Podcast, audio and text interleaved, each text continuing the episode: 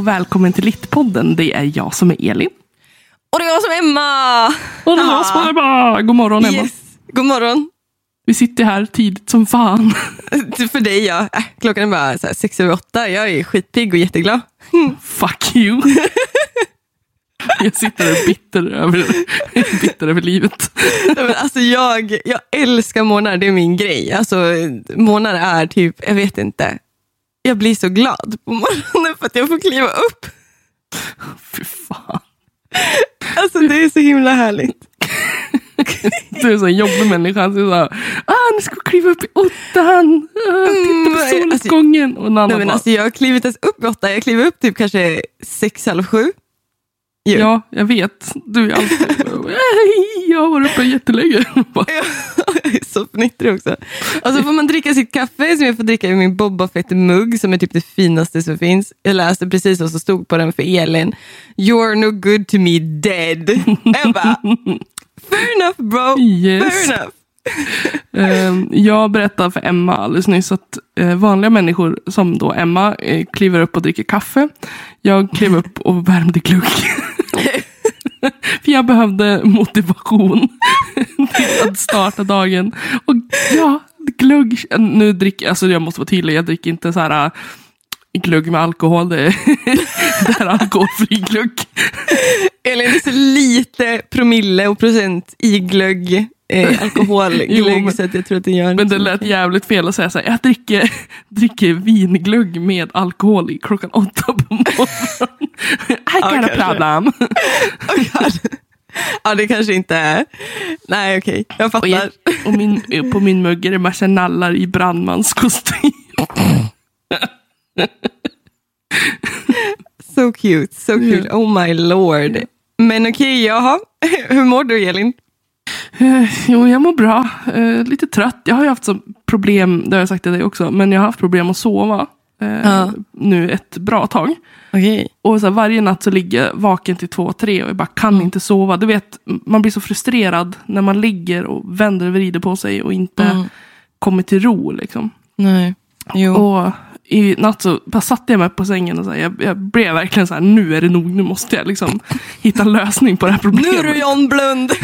Ja, nu ska jag, nu jävlar.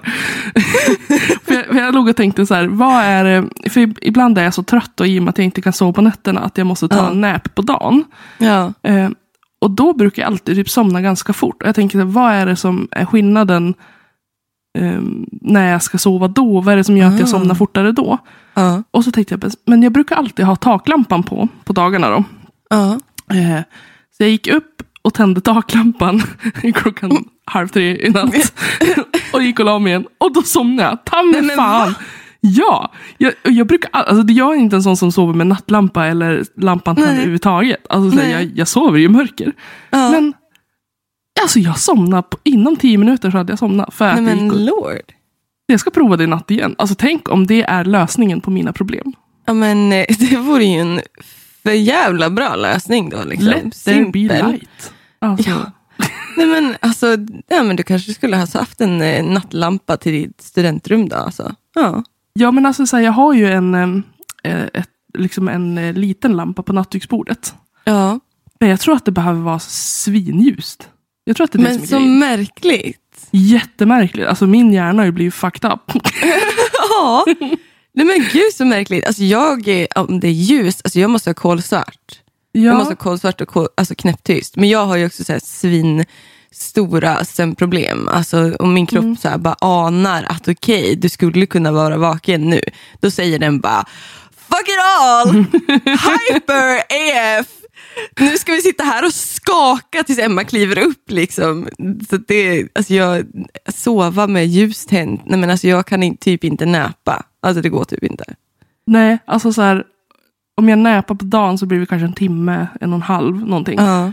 Ehm, så jag trodde kanske att, okej jag kanske får en och en halv timme sömn då. Att jag vaknar av lampan. Men Mm. jag vaknar vid, vad var klockan? Halv sju. Nej men Och bara- fan. Ja, det, jag fick ju några timmar i alla fall. Så det var jätteskönt. Ja, men jätteskönt, särskilt när vi skulle liksom upp och podda. Då. Ja, hur Lite mår du tidigare. förresten? Jag, eh, ja oj, jag skulle ha sjungit upp rösten känner jag. försökt gått omkring och prata med min katt. Få igång den lite. Johan bara tyst, ett morgontrött. Nej, men han är så glad att jag är uppe. Nej, men eh, det är bra. Vi, vi we wrapped it up hela förra terminen, förra veckan. Då. Eh, Så att nu har vi kört igång med magisterterminen, alltså magisteruppsatsterminen eh, den här veckan. Och det känns inte riktigt som det. det känns jättekonstigt, man är som i något mellanläge nu. Ja, eh, Bara så här, okej, ska, jag, ska jag vara klar med det här? Eller har jag... Ja, ja men liksom, är det bara, jaha, ja men då, ja, men då var det klart, då går jag vidare då. Får jag göra det? ja, ja, precis. Nej, men, så det är liksom bra, men lite så här bara, jaha, ehm, okej. Men, ehm, men ja, nej men alltså det är bra. Eh, jag är lite så här eh, småförbannad på min familj. Okej. det låter jättedramatiskt, nej det är Det inte. är samtalspodden. Samtalspodden, terapipodden. Nej, men det är för att min lilla syster är ju Guadalupe, Mm en fransk koloniö i Karibien. Eh, min storebror och min svägerska, de åkte ju till Kenya över eh, juldagarna och över eh, nyår typ. Ehm, alltså very safe, very safe. Ingen av dem hade corona vare sig när de kom dit eller kom hem. Alltså det var lugnt. Eh, och nu ska mina föräldrar åka och hälsa på min lilla syster i Guadeloupe. Då. Eh, skitplanerad, superförsiktig resa ner dit. Ehm, och eh, jag inser, och så min bästa vän då, eh, vet du Charlotte har ju sina föräldrar i Sydafrika och hon är ju där just nu. Ja, hon lever ju sitt bästa liv hon i Ja. den varma breddgraden. Så du hör ju. Och här är jag! Ja, men jag och jag väl för fan också. Vi sitter i skiten båda två. Vi sitter i båten tillsammans. Det, det tröstar ingenting. Den kalla hala båten som kallas för Umeå. För fan! Alltså fattar ni? Fattar ni den grejen? Alla i min familj drar till, till, till, till, till värme och till sol och till bad och fucking ser någonting annat än mörker och snöslask och fucking everything. Jävla skitliv alltså. Okej, vi börjar den här morgonen jättebra. Ja, men, nej, men alltså, jag är ju jag är, alltså, jag är glad. Det, jag är glad för deras skull också. Min mamma frågade bara, för när jag sa det igår, jag, bara, jag vill också åka till Guadalupe. Hon bara, Emma vill du åka till Guadalupe eller vill du träffa Sofia? Och jag bara, fan tror du? Då behöver åka till min lilla Guadalupe. Ja, åka till. Guadalupe, skiter i henne. Nej, men jag vill träffa min lilla syster, jag saknar henne så otroligt mycket. Alltså, det är skitjobbigt så. Liksom. Mm. Så jag bara är så otroligt avundsjuk på att de ska få vara med henne eh, där också. Eh, men min lilla syster är så god och fin så att hon liksom bara, Emma, om corona tillåter, då, då i augusti när du fyller år, då så åker du och jag till Paris och sen så tar vi en tripp genom England. Jag bara, thank you. Så det, det är vad vi håller på att planera nu. Men, eh, Alltså, så ja, här, nej, du, gjorde, du gjorde till rösten lite grann, låter de så? nej, det gör hon inte Emma. alls. Nej, Emma. gud. Ja, jag vill få en till Paris. Gud, de kommer att döda mig sen. Men nej, jag, jag bara gjorde till. Jag, Ja, jag, jag konstiga, jag gör konstiga röster på människor jag känner. Det, det brukar sällan stämma. Det brukar jag också göra. Pappa blir jättearg. Han tycker att han låter jättehemsk.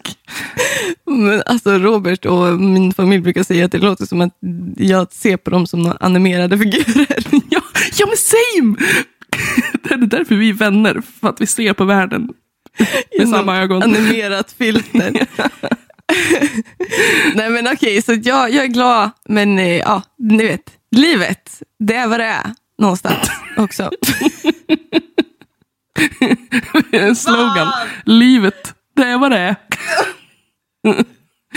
Men det är också lite grann av, alltså jag tänker att ehm, det kan ju passa in lite grann i, i dagens avsnitt. Kan ju Ja. liknas lite vid en, en lyrisk eh, liten så här. Ja, Elin, vad ska, vi, vad ska vi prata om idag då? Ehm, vi tänkte väl pla, plata. Plata? tänkte plata lite. Ja. Prata lite om typ lite modernare lyrik eller poesi. Och Ja. kanske det här med fenomenet också insta-poetry. Alltså, eller ja, Yes. ehm, det är ju Inter- små, små Ja. dikter, kanske två meningar i en bild Ja. liksom, som folk lägger upp. Precis. Mm, Intermedia or eh, performative eh, poetry eh, tänker jag väldigt mycket då. Ja. Ehm, Det ska ju både vara liksom eh, just det här med det poetiska då, orden och sen ska det också vara lite det här, här estetiska. Precis, det är Gärna. liksom Precis, det är mer än vad den poesi man kanske tänker direkt på, eller lyrik man tänker direkt på när man tänker på typ Karin Boye eller Lagerkvist eller Mm. tänker på Bellman som vi har pratat om förut. det är liksom mer ja, men perf- performative, det är mer liksom en annan sorts kon- konstart Ja. än bara text på vitt papper eh, och sånt som väcker känslor. Också Och- mer typ eh, kommersiellt. eh, Ja, Alltså det är, det är ett lätt, lättare ur ett kommersiellt syfte. Alltså det är lättdelat. Ja, precis. Det är också, det, det, det blir, eh, blir det här lite som med populärkultur. Det är liksom massproducerad poesi. Eh, eh, och det blir också kanske också en vanligt bland kritiker eh, så är det ju, kallas det ju slaskpoetri. Eller poetri, slaskpoesi och kanske liksom eh, poesi för massan, om man säger så. Man gör lite roligt så. Ehm, men vi ska då prata om eh, två olika sorters mediapoesi och då är det delvis fe- fenomenet Rupi Kaur. Hon har ju släppt en ny diktbok som heter Homebody eh, som jag eh, har förkovrat och försjungit mig i. Och du ska, du fick ju Amanda Gormans eh, publicerade bok av mig i julklapp. Ja, berget vi bestiger eller The hill we climb. Precis, precis. Men jag har ju också hon- läst eh, Homebody också. Ja, precis, det har du ju. Det är ju alltså så här, speciellt när det kommer till dikter, så går det ju ganska fort att ta sig igenom en, en bok med dikter. Jo, men precis. Det är väldigt, väldigt korta. Eller Rupi Kaur kan ha ganska, typ nästan en, en sida i sina böcker. Nu är hennes böcker inte jätte, det är inte som en A4. Nej. eh, Och så bara, utan, men det kan ändå vara ganska mycket ett resonerande. Typ. Ehm, men det, det är de två verken vi ska prata om idag. Eh, Jätteintressant tycker jag. Och sen så har jag faktiskt med mig en bok som heter Litteratursociologi, texter om litteratur och samhälle av eh, Johan Svedjedal. Han är redaktör för den. Då. Det är massa texter i en som pratar om alltså det, lit, alltså det, det ska jag säga, samhällssociala i litteraturen. Alltså hur det påverkar samhället och sådana saker, hur framväxt och sådana saker. Eh, och det finns, eh, där är till exempel en text av John Carey som, om man har hållit på med kanske litteratur på liksom universitetsnivå så vet man vem John Carey är. Det är intellektuella och massorna. Eh, Stolthet och fördom inom den litterära intelligenten 1880-1939 till exempel. Som ett exempel på vad som skrivs i den här boken. Men jag, ehm, nu ska vi se här, helt så här med handen på hjärtat, vi har redan spelat in det här avsnittet. Ja, det är det som är så roligt. Vet, Ehm. tekniska problem eh, gör att vi ibland måste ta om och göra om. Ja, ja, alltså det bara kukade ur. Eh, Ja. Min ljudfil kukade ur totalt och vi vet egentligen inte vad som hände. Och Robert har slitit hår. Ehm, Ja, vi, vi hamnade i osynk. Alltså det, det blev typ flera minuter typ emellan. Ja, det var sju, minut, sju minuters skillnad och sen så hade, man brukar, oj, jag ska inte, kanske inte, man pratar om hertz. Eh, Ja, jag tänker att det kanske är onödigt att gå så djupt in, utan Ja, det bara, det, det- bara min- blev konstigt. Ja, min, min ljudfil hade tagit några droger eller någonting. så att det, det, här liksom, det här blir lite så här, ja, vi, vi kör bara, lite så. Men Mm. i alla fall, nu tillbaka till min socio, eh, litteratursociologiska bok. Yes. Eh, och då finns det en text av Hans Hertel som skriver om boken i liksom, mediautvecklingen i samhället. Eh, tror jag den heter. Boken i mediesymbiosens tid. Och då pratar han då liksom om eh, m- medier, mediernas ekonomiska och tekniska utveckling. Eh, och då menar han att den utvecklingen är att det har uppstått en ny inbördes beroende mellan tryck, ljud och bildmedier. Nu pratar han ju dock om böcker, men dikt och an- antologier och diktsamlingsverk är ju också böcker Eh, Mm. Kanske inte romaner som vi tänker romaner, det är inte liksom på samma sätt skönlitteratur. Men det är också en bok. Mm. Eh, och här räcker liksom då inte den klassiska litteratursociologiska teorin till för att eh, dessa me- mekanismer måste liksom man förnya. Eh, eh, och då är det liksom, pratar han om litteratursociologen Robert Escarpits bekanta modell av de två litterära kretsloppen. Han skilde då mellan det höglitterära kretsloppet, det folkliga kretsloppet och blockadbrytarna. Eh, och det är just den här blockadbrytarna som, som ger en lite mer förståelse för det här intermediala liksom, kretsloppet eller Mm. eh, vad det här insta-poetry eller liksom performative poetry eh, through media är. Mm. Och Då menar han att blockbrytarna, les forkers de blockus, alltså jag kan inte prata franska, helt otroligt, läste franska i två och ett halvt år, kan säga. Je m'appelle det är typ det. Men de här blockadbrytarna som de liksom åstadkommer en viss utveckling mellan kretsloppen, till exempel när texten, texter slipper ut från det ena kretsloppet till det andra genom sådant som radio och tidningsföljetonger, filmatiseringar och dramatiseringar, bibliotek och pocketböcker och kolportageförsäljning.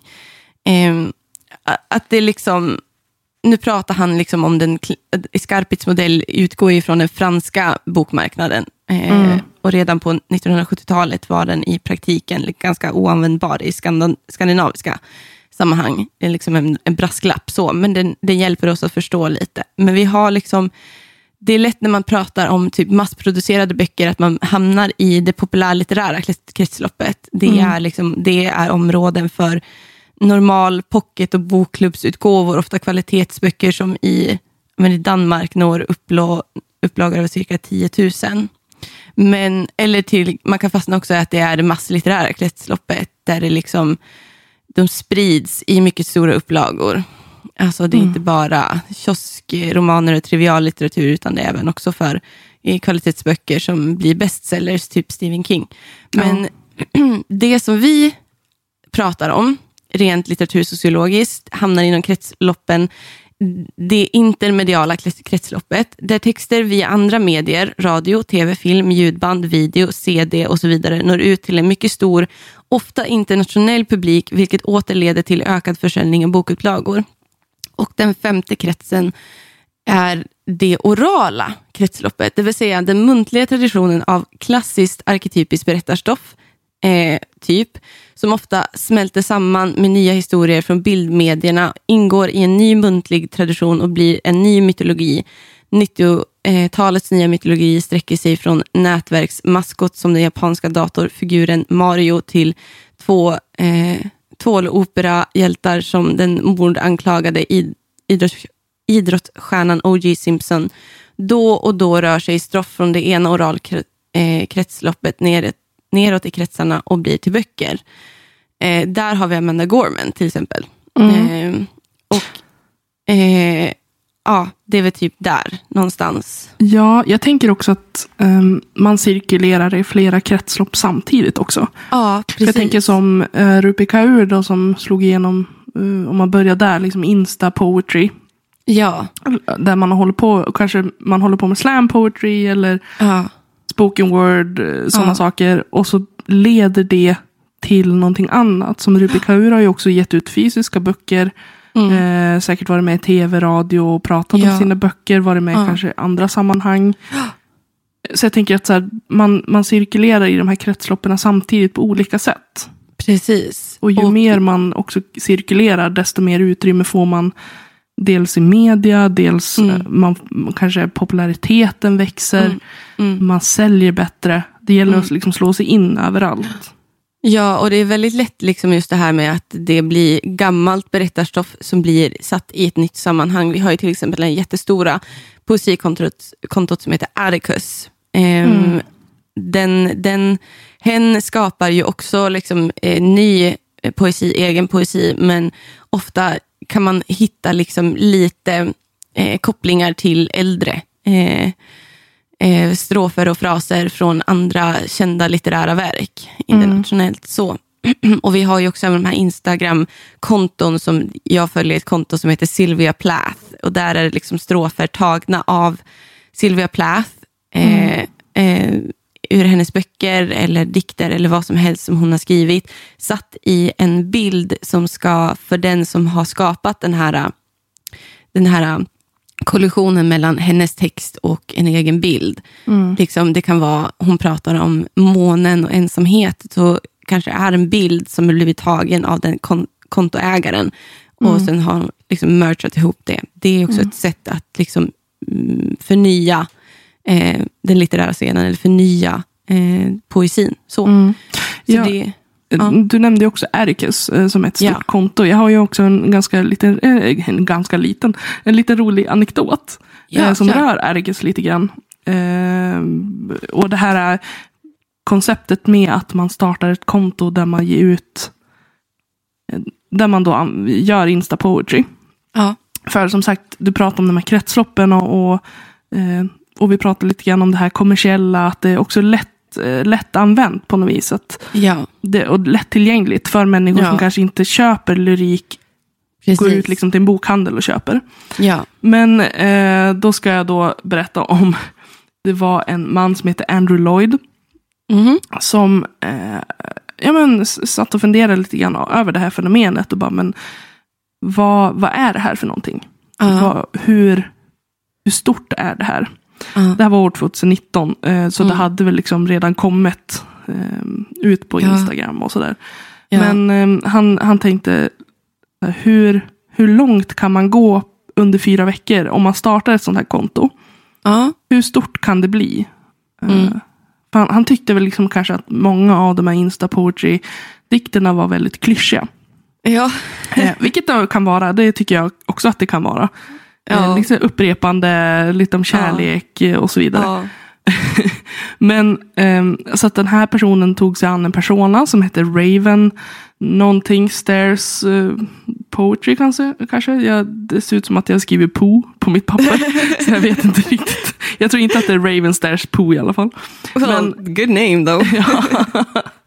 Men alltså den här Raven, ja, den här Raven då, alltså skrev ju då det mest äckligt klichéaktiga som den här personen kunde komma på. Alltså det mest Ja, exakt. Och eh, första veckan jag liksom började jag lägga upp då och liksom följa andra konton. Ja. Och första veckan så hade han eh, 50 likes och 281 följare. Och jag vet inte, de som har Instagram, eh, som har bokkonton, eh, Ja. som lyssnar på oss, Ja. vet att eh, det är ganska mycket att få på en vecka, första veckan. Ehm, Det, då är det att man gör någonting rätt i alla fall. ja, ja, men Eh. exakt. Då, då är det någonting som tilltalar ehm, En större massa. Man hittar rätt publik. Ja, och så måste man bara liksom, jag måste bara in med en blänkare där, att Mm. Instagram och dess algoritmer eh, har ju förändrats rejält nu till 2021 än Mm. 2019. Det var mycket enklare algoritm 2019, där det också var lättare att kanske nå till rätt sorts konton Mm. via hashtaggar och sådana saker och taggningar och sånt. Eh, nu så är det ju väldigt svårt att nå ut för att algoritmen är lite fakt, men också för att det finns så otroligt många köpta konton, otroligt många fake-konton som börjar följa, vilket det också gjorde då, men det är en större...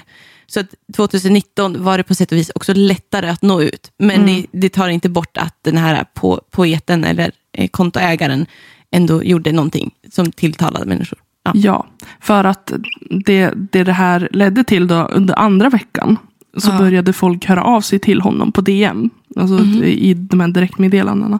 Mm. Och skriva liksom att de trodde att han var deras själsfrände. Oj, oj. Eh, att Stora han ord. ja, alltså det är så här, det är ju ganska... jag skulle ha blivit lite obekväm men... Ja, men, ja, hej, hej, där. Men, ja.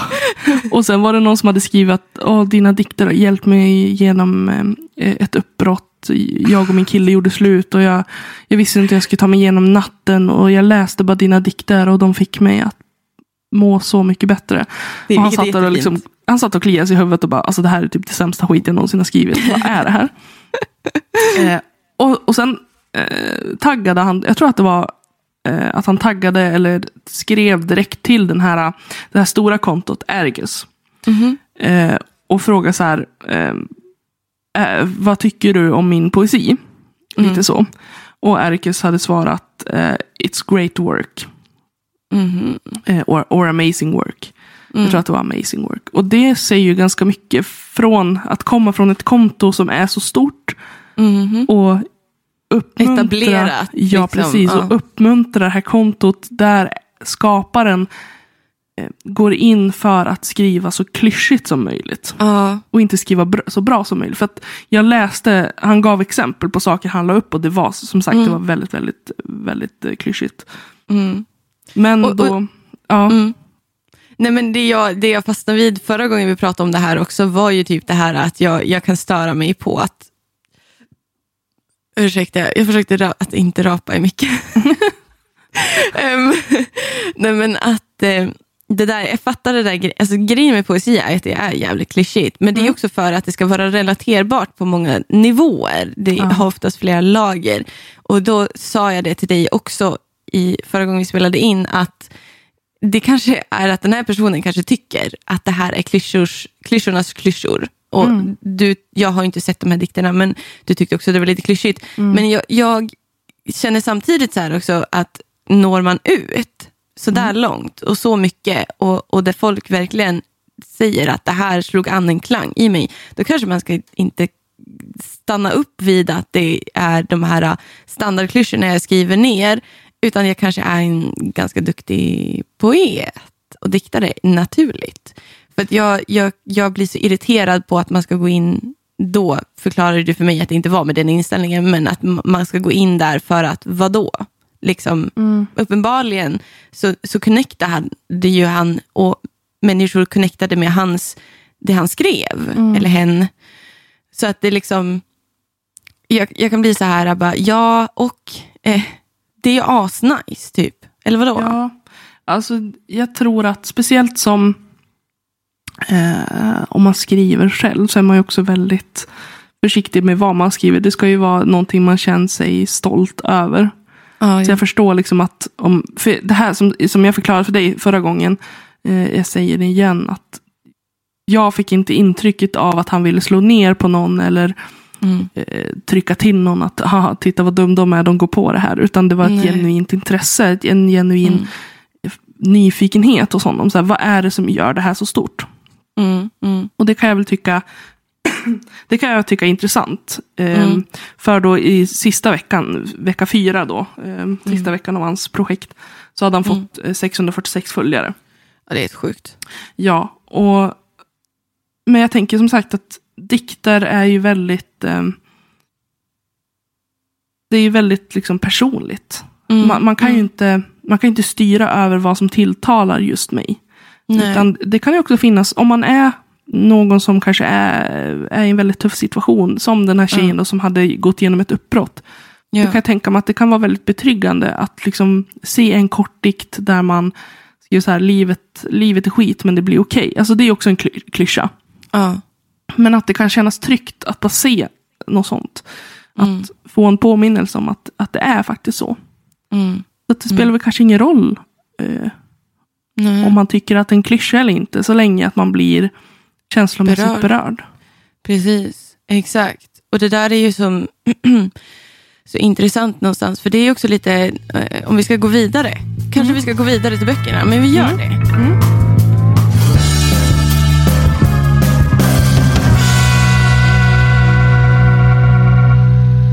Ehm, så jag tänkte, köra, jag tänkte ta lite lid och köra med Rupa Kaur, eh, um, Homebody, som jag har läst. Och jag har även läst hennes Milk and Honey eh, och The Sun and Her Flowers. The Sun and Her Flowers är ju typ en av de vackraste eh, diktböckerna jag har läst faktiskt. Den tävlar lite med Karin Boyes eh, diktsamling. Men jag har läst Homebody då, som är ett nysläpp.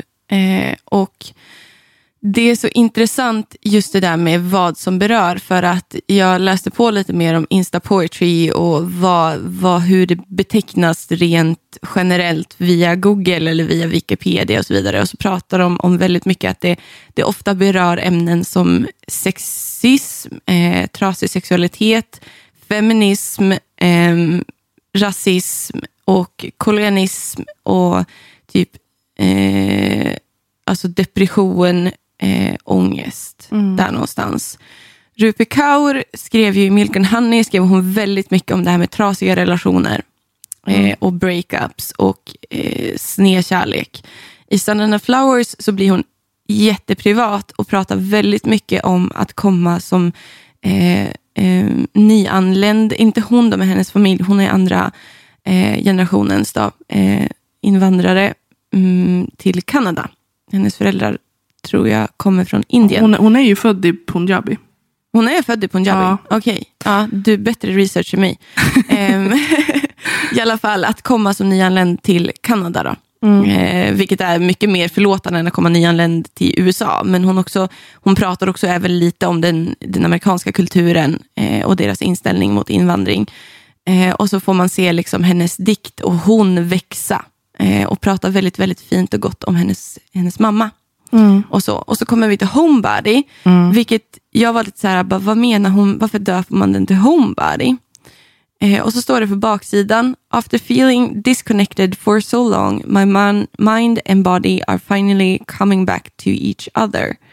Och då, min spontana tanke innan jag öppnade den här boken, att det här, det här pratar om något, något läkande som, kommer, som går igenom det inre mot det yttre. Alltså läka sin kropp, kanske efter trauman eh, och så vidare. Mm. Och faktiskt så pratar hon om liksom olika sorters trauman. Både psykiska och fysiska trauman. Eh, känslomässiga trauman mycket. Men också det här med prestationsångest. Ja, jo, för jag, när jag började läsa den så skrev jag till dig ganska direkt att det här var liksom väldigt tungt. Det var, det var en väldigt många tunga dikter liksom att läsa. Ja. Att det, det var verkligen känslomässigt jobbigt kan jag tycka på många ställen. Ja, alltså det är första, första eh, hon har delat in dem i ganska coola kapitel. Där det är bara svarta sidor och så står det mind. Och sen så blir det liksom, nästa kapitel är heart. Eh, men hon börjar i alla fall första kapitlet mind med att skriva I'm in the darkest room of my life. Och man bara, oh fuck. What is this? Det här jag pratar om hennes mind, hennes sinne, hennes inre. Och hon är i sitt mörkaste rum i hennes liv. Och det är ganska mörkt även liksom mm, while everyone else was living their life in color, depression froze me in, in place. Hon pratade här om att, att hon gått igenom liksom och, och det, är ganska, det här är ju det jag älskar med Rupi Kaur. Hon är rå på ett sätt som vi kanske inte är riktigt van vid. Vi kan prata med stora, fina ord. Vi älskar att, att sätt, när vi skriver poesi, det kan jag märka att jag lätt faller in i den fällan. Att skriva med så extravaganta, flamboyanta ord för att åh, man ska få den här känslan när man läser det här. Liksom. Mm, kanske många Eh, metaforer också. Precis, väldigt mycket metaforer och sådana saker. Kanske gärna att man kopplar till gamla poeter och sådana saker. Men ehm, hon skriver liksom som det är. I walked off backstage och, and I wanted to die. Och då pratar hon liksom om nu. Efter hon har blivit super, superkänd, fått flera miljoner följare på Instagram. Hon, hon är en av de största de här mediapoeterna. Hon är liksom pionjär, hon är jättestor. Och hon bara, jag mår inte bra Mm. i det här. Jag mår skit. Jag har så mycket trauman i mig Ja. som bara återupprepas och nu görs det offentligt. Ja, en av eh, mina favoritdikter i just Homebody var just under det här kapitlet eh, Mind. Ska jag läsa upp den? Den är väldigt kort. Mm. My mind keeps running off to dark corners and coming back with reasons for why I am not enough. Det är ju liksom också så här sätta fingret på den här um, osäkerheten, eh, prestationsångesten, eh, självtvivlet. Ja, precis. Vilket jag tror har- både du och jag kan uppleva många gånger i och med att vi är väldigt självkritiska många gånger. Ja, oh ja, oh ja. Och det där är ju väldigt intressant också. Vi pratade om det igår, du och jag, bara i ett vanligt samt telefonsamtal. Mm. Att man som konstnär kanske mycket sätter, eh, eller nej, som en presterande människa, man pressar sig själv så otroligt mycket. Och när man väl får den här eh, yttre bekräftelsen så tror man att det ska vara nog. Men den lägger mest bara på press på en Ja. själv. För att man har en oförmåga att bekräfta sig själv, helt enkelt. Ja, jag tror att det är en av de viktigaste saker du kan jobba på när du också upplever att du är väldigt liksom, självkritisk och att du känner att du aldrig... Alltså, att jobba Mm. på att bekräftelsen ska komma inifrån. Mm. Att jag ska känna att jag är tillräckligt bra. Mm. I'm enough. Mm. Liksom, i, inte där att I'm enough in my loneliness, utan snarare jag duger. Mm. Sen vad alla andra tycker och tänker om mig, det duger inte. Liksom, vare sig det är positivt eller negativt, det ska inte vara det jag baserar mitt självvärde på. Nej. Utan man, man, tar in, man tar in det man tycker är relevant och det som gör en glad. Eh, för det är, alltid, det är alltid kul att liksom få ett extra plus i kanten Ja. av någon eh, Ja, som säger att det- de uppskattar den. Det sa Men- du väldigt bra igår faktiskt. Eh, det- och nu kände jag att jag avbröt dig, förlåt. Nej men det, det, absolut, det gör ingenting. Utan det är bara det att man, man måste bara känna att så här, det är min åsikt om mig som ska räknas. Och jag, hur jag älskar mig själv, att jag duger som människa och som, Mm. Som författare eller som eh, vad man nu än är. Mm. Att det, det är det som, som ska vara viktigast. Ja, precis. Och att då, som du sa igår, allt det andra, all den andra bekräftelsen, att förutom den grundläggande, och den ska vara stor, den grundläggande bekräftelsen som kommer inifrån, allt annat är liksom en plus i kanten. Eh, någonting extra, en liten godisbit, liksom. typ sådär. Ehm, ja, men verkligen. Och jag vet inte, Homebody, ehm, om vi ska gå tillbaka till dikterna. det- den, jag har ju, ja men du ser ju, jag har ju markerat sönder, vilket ni också såg på Instagram-bilden. Jag markerar gärna i böcker eh, där jag fastnar någonstans. Ehm, och om man går vidare mot slutet så pratar hon väldigt mycket om det här med, med rösten och kvinnlighet och att vara en kvinna med pondus och med röst. Hon skriver till exempel “Your voice is your sovereignty” eh, och sen så lite så här fri står det sen. Ehm, och sen så skriver hon “You look tired” he says. I turn to him and say uh, “Yeah, I'm exhausted. I've been fighting misogyny eh, for decades. How else do you expect me to look?” Och just det här med att vara, alltså jag kan, alltså jag kan typ, det är därför jag kan störa mig på att folk bara, ja ah, det här är slaskpoesi och jag känner bara, fattar ni vilken grej Rupi Kaur är? Hon är liksom inte bara det att hon blir kallad slaskpoet för att hon blev känd genom media, enbart genom Instagram, inte genom något jävla höglitterärt sammanhang. Eh, hon blev känd genom Instagram, alltså nådde hon ut till the common people. Which I think is the most important thing about you know, literature and poetry. Alltså det är det absolut viktigaste är väl det att vi ska få alla människor att, att se och läsa och höras och, och förstå varandra, att connecta på en annan nivå. Det gör man inte genom höglitterära sällskap. Man kan ju filosofera kring det kanske, men det är ju mest bara så här förståsigpåare som befinner sig där. Och det är ju bara tråkigt. Ehm, och, och just den här grejen att tänk då att vara kvinna i det. Alltså vara kvinna i, i liksom, och bli så känd över typ nästan en natt. Med någonting som är så sårbart som diktning. Så hon har ju säkert fått skitmycket skit av specifikt män, vilket hon också pratar väldigt, väldigt mycket om i den här Homebody-boken. Hur, men hon säger till exempel, he says you're opinionated as if it was as if it's an insult to have ideas so big he chokes on the size of them. Never be quiet. Alltså, jag blir så här, så... Du vet, du vet Emma och känslor, oh, de är Ja. så smärtsamma ibland. Men det är två känslor i mig. Det är så jag blir så jävla förbannad. Jävla fittmän ibland. Vänta, vänta, vänta, vänta. Vi måste bara lägga in, kan Robert lägga in Emmas rant? Jag kan bli så jävla förbannad på män ibland. Och det är så här... Det, det är liksom, inte alla män, men jo, men jo, alla, alla män. Alltså det är så här, de kommer och så ska de ha en åsikt om någonting som en kvinna gör. Och, och då kan det komma en sån där sak som att, ah, du tycker så mycket. Man bara, men du tycker ju också saker. Ja. Eller, eller vad menar du? Det är väl det vi gör. Och sen så bara kommer de och bara, ah, du ska inte övertänka så mycket. Man bara, fast om jag tycker om att övertänka, då, är, då får jag göra det då. Mm. Och, och de kan liksom komma in väldigt ofta också att vara typ så här äh, ta så mycket. Och det pratar hon också om, Rupi Kaur, att, att män ofta tar och aldrig förväntar sig någonting tillbaka. Och sen så när man väl kommer och sätter en gräns eller när man säger att det här var inte jag okej med, då blir de så jävla dramatisk.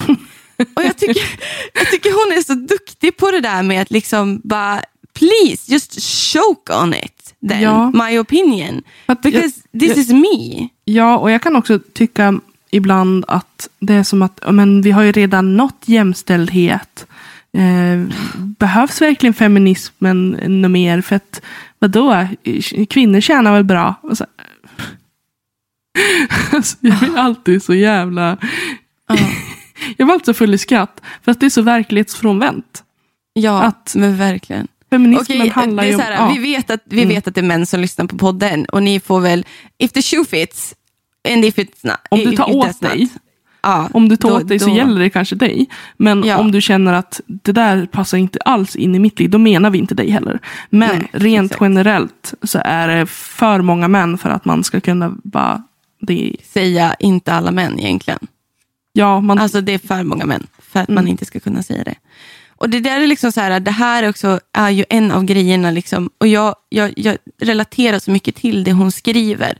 Sen pratar hon också om det här med förtryck, eh, det rasistiska förtrycket, Mm. vilket jag inte kan relatera till. Jag kan bara eh, liksom, re- relatera till att jag själv är en förtryckare som vit skandinav.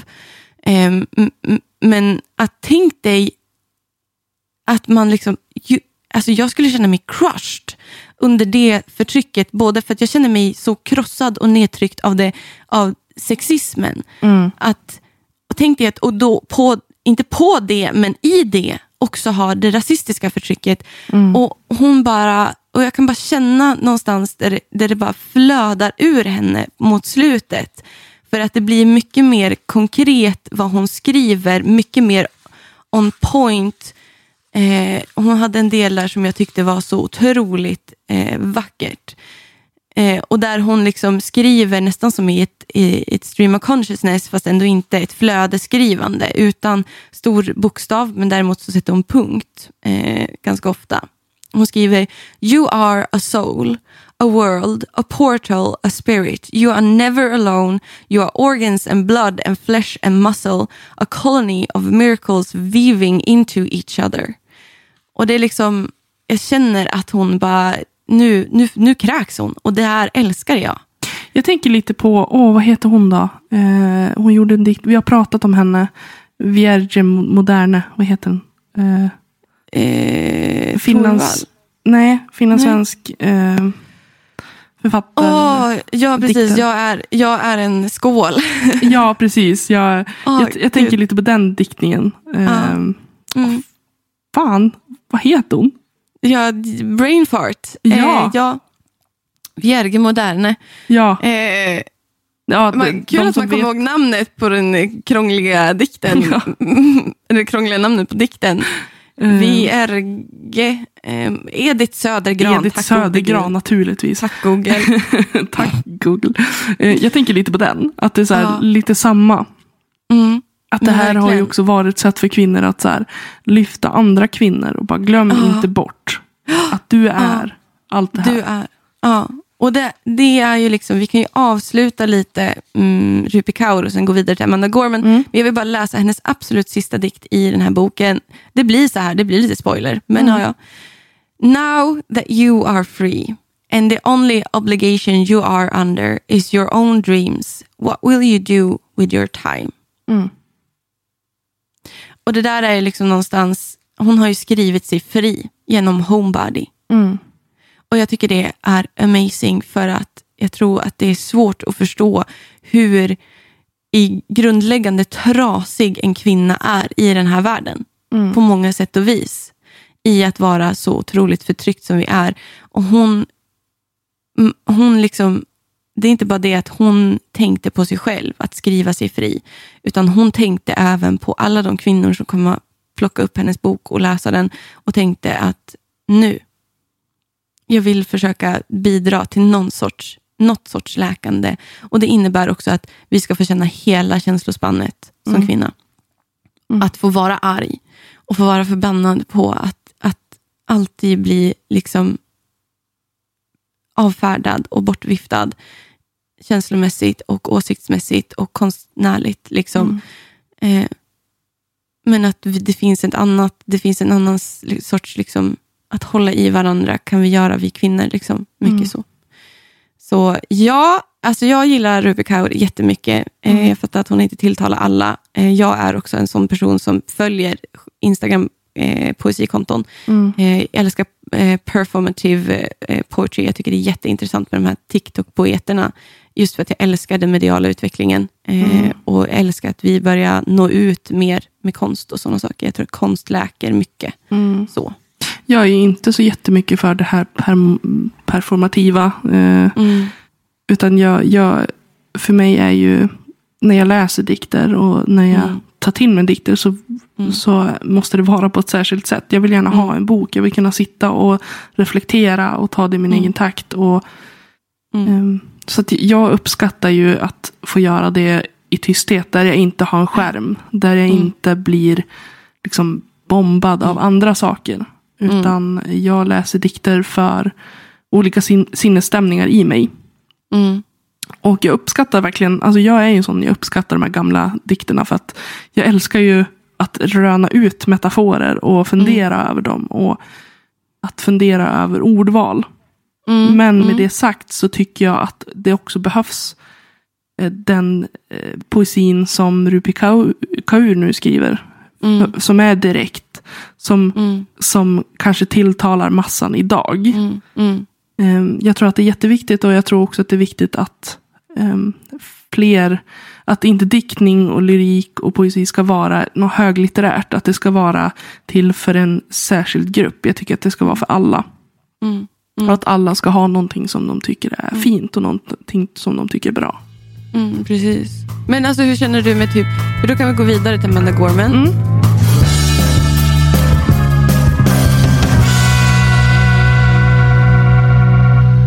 Hon, jag skulle vilja kalla henne estradpoet. Ja. Eh, Alltså jag, tänker, jag tänker bara att vi typ gör en blänkare. Kanske inte alla vet vem Amanda Gorman är. Ja, Eh, nej. eh, när Joe Biden, eh, när det var hans presidentinstallation eh, Ja. 2021, i jag tror det var Mm. februari någon gång. Mm. Då var det ju en, eh, en poet som stod och läste upp en dikt. Mm. Och dikten då heter på svenska Berget vi bestiger eller Mm. eh, The hill we Mm. climb. För det här är också en så här, eh, ganska tätt in på det som hände vid Kapitolium. Ja. Eh, Stormningen där, väldigt tätt in på eh, Black Lives Matter-rörelsen, Mm. eh, all polisbrutalitet. Mm. Så, och Amanda Gorman är en svart kvinna. Mm. Eh, vilket Precis. också är, var väldigt stort. Verkligen. Att hon fick stå där. Det är någonting Mm. också nämner, för det här är ju... ehm, den här dikten finns ju också inspelad, den finns på YouTube bland annat. Eh, Ja. Själva dikten finns i sin helhet som text också överallt på Mm. internet, det är bara att söka. Mm. Men på Mm. YouTube kan man ju se henne läsa den Ja. framför Joe Biden och Ja, fy- hela liksom Shit, alltså. staben. eh, Hela och- världen också. Ja, liksom. absolut. Hon, hon adresserar ju liksom så här först. Eh, vänta, ska vi se. Jag tror att det står på baksidan. Eh, Mr President and Dr Biden. Hans fru är ju då eh, doktor. Eller ja, hon har titeln doktor. Ah, coolt. Eh, Madam Vice President and Mr Emhoff. Nej, det kanske, ja, just det. Americans and the World. ja. Hon var så medveten. Ja. Och hon visste att det här skulle bli stort. För Mm. att eh, alla de här, allt som händer i USA är ju också sånt som händer ute i världen. Mm, ja, men exakt. Osäkerheten, rasismen, Ja. eh, demonstrationer, eh, politiska dra- alltså så här, splittringar Mm. framför allt. Är ju någonting som är väldigt aktuellt överallt. ja, men verkligen. Och eh, Hon pratar ju väldigt mycket i den här dikten om att det ändå finns ett hopp. Mm. Eh, att hon, hon menar på att vi måste, vi måste enas. Vi måste, Mm. vi måste resa oss tillsammans. Mm. För att förändringen sker oavsett om vi vill det eller inte. Vi måste bara följa med. Mm. Och göra det vi kan för att göra det här landet. Och liksom hon pratar väldigt mycket om landet i och med att det är så splittrat. Att Mm. vi, vi måste läka oss. Och det gör vi Mm. med alla. För hon pratar om in, Mm. alltså en stor, en, där Trump var störst när han Mm. var president, det var i de södra del, delstaterna. Mm. Texas, Alabama. Där det är också väldigt oroväckande stor eh, samhällssocial rasism. Ja, eh, precis. Där det, där det liksom alltid har funnits. Mm.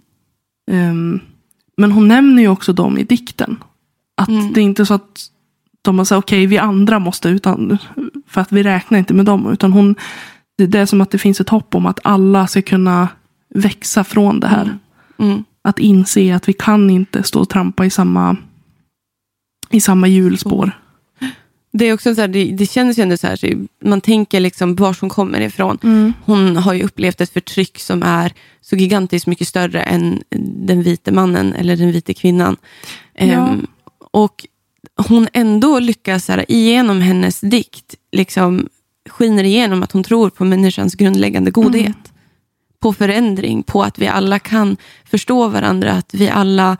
Hon liksom bara älskar människan, hon älskar sin fiende genom liksom dikten och det tycker jag är otroligt berörande. Ja. Och hon är, ju, hon är ju väldigt, väldigt ung. Jag vet inte hur gammal hon är. Men hon är väldigt ung. Hon har en gedigen utbildning. Hon gick på Harvard. Hon är fruktansvärt intelligent och Mm. Mm. klipsk. Och jag, har för mig att jag läste att hon kommer, hon har som dröm att eh, vara med och försöka, alltså ställa upp i presidentvalet 2036. Alltså go girl, I Ja. would go there and vote for her. du bara måste få ett green card först. jag måste bara bli amerikansk medborgare så får jag göra det. Nej, men Ja. alltså, verkligen, jag tror att det är många i världen över som skulle heja på henne. Verkligen. Ja, jag, jag tror att eh, USA skulle behöva en kvinnlig president. Alltså. En svart kvinnlig president, verkligen. En kvinnlig president, absolut. Eh, Absolut. Men för att återgå till dikten. Eh, Så har jag en, en, en favoritdel och det är slutet. Jag tror att det är det sista hon säger. Ehm, och nu läser jag den på svenska. Det är klart att det sker ju liksom en... Jag kan läsa den på engelska sen. Ja, Jag har den på eh, telefon. för att det blir ju liksom ändå en skillnad när man Mm. gör en översättning. Men Ja. När dagen kommer kliver vi ut ur skuggtimmarna. Orädda och brinnande. En ny dag gryr och vi är bidragarna. Ty ljuset är ständigt närvarande. Om vi, om vi bara har mod att klara det. Om bara vi har mod att vara det. På engelska går den så här. When the day comes we step out of the shadow, eh, out of the shade. A flame and unafraid. The new day, the new dawn blooms as we free it. For there is always light, if only we're brave enough to see it. If only we're brave enough to be it. Det är en rätt så bra översättning, tycker jag. Ja, det där. tycker jag också. Jag tycker att den, de ger den rättvisa. Eh, Men det Ja, händer verkligen. ändå alltid någonting med en text när man gör en översättning. Ja, men Eh, verkligen. Det ska man alltid vara medveten om. Men jag tycker just det här är ju också det här med att vi kommer kliva ut ur det mörka. Ja. Att vi kommer, vi kommer vara ljuset. För att hon säger orädd och brinnande. Vi kommer vara lågorna som Ja. lyser upp allt det här. Ja. Och det är en ny dag och vi är den som ser till att ställa det här till rätta. Om vi har Det är vi. modet, om vi, om vi har modet att, att göra det här. Jag tycker det är väldigt starkt. Jag tycker det talar väldigt mycket för att t- ja, men den här tron på människan, att vi kan Mm. göra det här. Att oavsett om man har levt, levt som förtryckt och Mm. som i hennes fall ett, levt ett dubbelt förtryck. Ja, precis. Eh, så att inte tappa den här tron på förändring. Det tycker Mm. jag är väldigt anmärkningsvärt. Jag tycker också att det är beundransvärt. Ja, verkligen. För Jag tror att det Och- vara väldigt svårt för många att bara att inte leva i ilska. Nej, men precis. Och att hon också har någon sorts så här, äh, tro på förändring hos förtryckare. Mm. Där hon liksom på sätt och vis Alltså det är lika mycket mod hos en förtryckare att vilja ändra åsikt, att vilja erkänna sig själv fel. Det är ju det värsta vi vet. Ja. Att erkänna att vi har fel. Um, och att då kunna liksom ändå tilltala förtryckarna med, med, med, med kärlek och säga att jag tror på att ni också kan förändras, att ni också har modet att förändras och vilja Mm. se eye to eye. Liksom. Så. Mm. Jag tycker hon är fantastisk, ja. verkligen. Jag, jag ser fram emot att se mer av henne. Jag tror att hon Ja. kommer bli, jag tror att hon, hon, har, hon har skrivit in sig i historien. Hon kommer bli stor. Mm. Hon ska ju också släppa någon till bok tror jag. Mm. Jag har för mig att jag har sett lite så här. Och jag är jätte, jätteintresserad av den. Och jag är jätteintresserad av hennes story mer. Typ vem, vem hon kommer att bli. Ja. Liksom. Och se om hon ställer upp i presidentvalet 2036. Det är ju ett tag Ja. kvar. Man måste ju ha jobbat inom politiken eh, rätt så länge. Man måste ha erfarenhet och sådär för att kunna ställa upp i ett presidentval. Mm. Eh, jag vet att, och vad heter hon? Eh, Cortez Ortiz någonting. Du, du pratar med fel. Ja, nej, men det, fin- det finns en, en kvinnlig politiker i USA som är ganska ung. Som väldigt många som jag har förstått det och, eh, skulle vilja se ställa upp i ett presidentval. Men hon måste liksom, jag tror att man måste vara typ 40 år också. Mhm. Så att Shit. man får inte vara hur ung som helst. Mhm. Väldigt Okej. konstigt. Men det är inte de, alltså så här, USA har lite konstiga grejer för sig.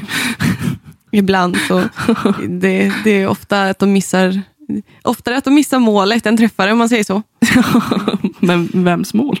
Nära nog. Ja. ja. nej men Nej. ehm, ja, det, det var väl vad. Det var Vad det om, hade. ja, det om det, de två dikterna. Men ehm, Ja, Diktarna. diktarna, Inte två dikter. nej diktarna menar jag. Ursäkta. De två diktarna. Det är okej. Det är Ska okej. jag ställa mig i skambron eller? Dumt Sorry. strut. Jag gör så här, jag ordmärker. It's my thing. But it, Jag har utbildningen för det, okej? Wow. Känsligt. Nej, men, eh, jo, men det här var nog det vi hade om de här två diktarna och det är en väldigt intressant utveckling i liksom, poesin och lyriken, tycker jag. Eh, jämfört med det liksom, his historiska, om Mm. man säger så. Eh, och jag, jag är jättetaggad på, jag tycker det här är en, en fantastisk resurs Mm. eh, i skolan till exempel. Mm. Eh, Jag använde ju Amanda Gorman till exempel eh, när jag undervisade engelska 7 lite så här löst om eh, retorik och jämförde den eh, med I have a dream. Mm. Martin Junior Luther. Mar- Mar- Jun- Martin Luther King. Mar- Martin Luther. King. Fan, nu börjar min hjärna så här bara gå ner igen. i Martin Junior. Junior. Det var lite gulligt. Martin Junior. ja, ja. Ehm, I alla fall, och, och just det här med att se hur poesi är, har lika mycket med retorik att göra som bara ett vanligt tal. Mm. Det handlar väldigt mycket om vem du adresserar i, i dina dikter. Mm. eh, och så. Så det, jag tycker det här är super, super intressant, det här intermediala och mediapoesin, om man Mm. säger så. Eh, och det var det. Det var det. Det var ett trevligt samtal. Ja, men alltså, vi kanske ska fortsätta spela in på morgnar. Det känns ändå som att det är väldigt njutningsbart. Jag bara jag får ha lampan på så jag får sova. Ja, du får fortsätta ha lampan på. Elin. fortsätta lampan på. Kulunge. Shit alltså. Ja. Nej, men eh, nu så är det dags för den andra kopp kaffe för Emma idag och för er också kanske. Helt enkelt. Jag ska gå och lägga mig. Så. Jag, jag går och lägger dig, jag ska gå och skriva en text. Eh, Gör så. Så eh, hörs vi. Ha en bra torsdag eller vilken dag ni än lyssnar. Ha så bra. hörs vi nästa gång. Hej då. Hej. Hej.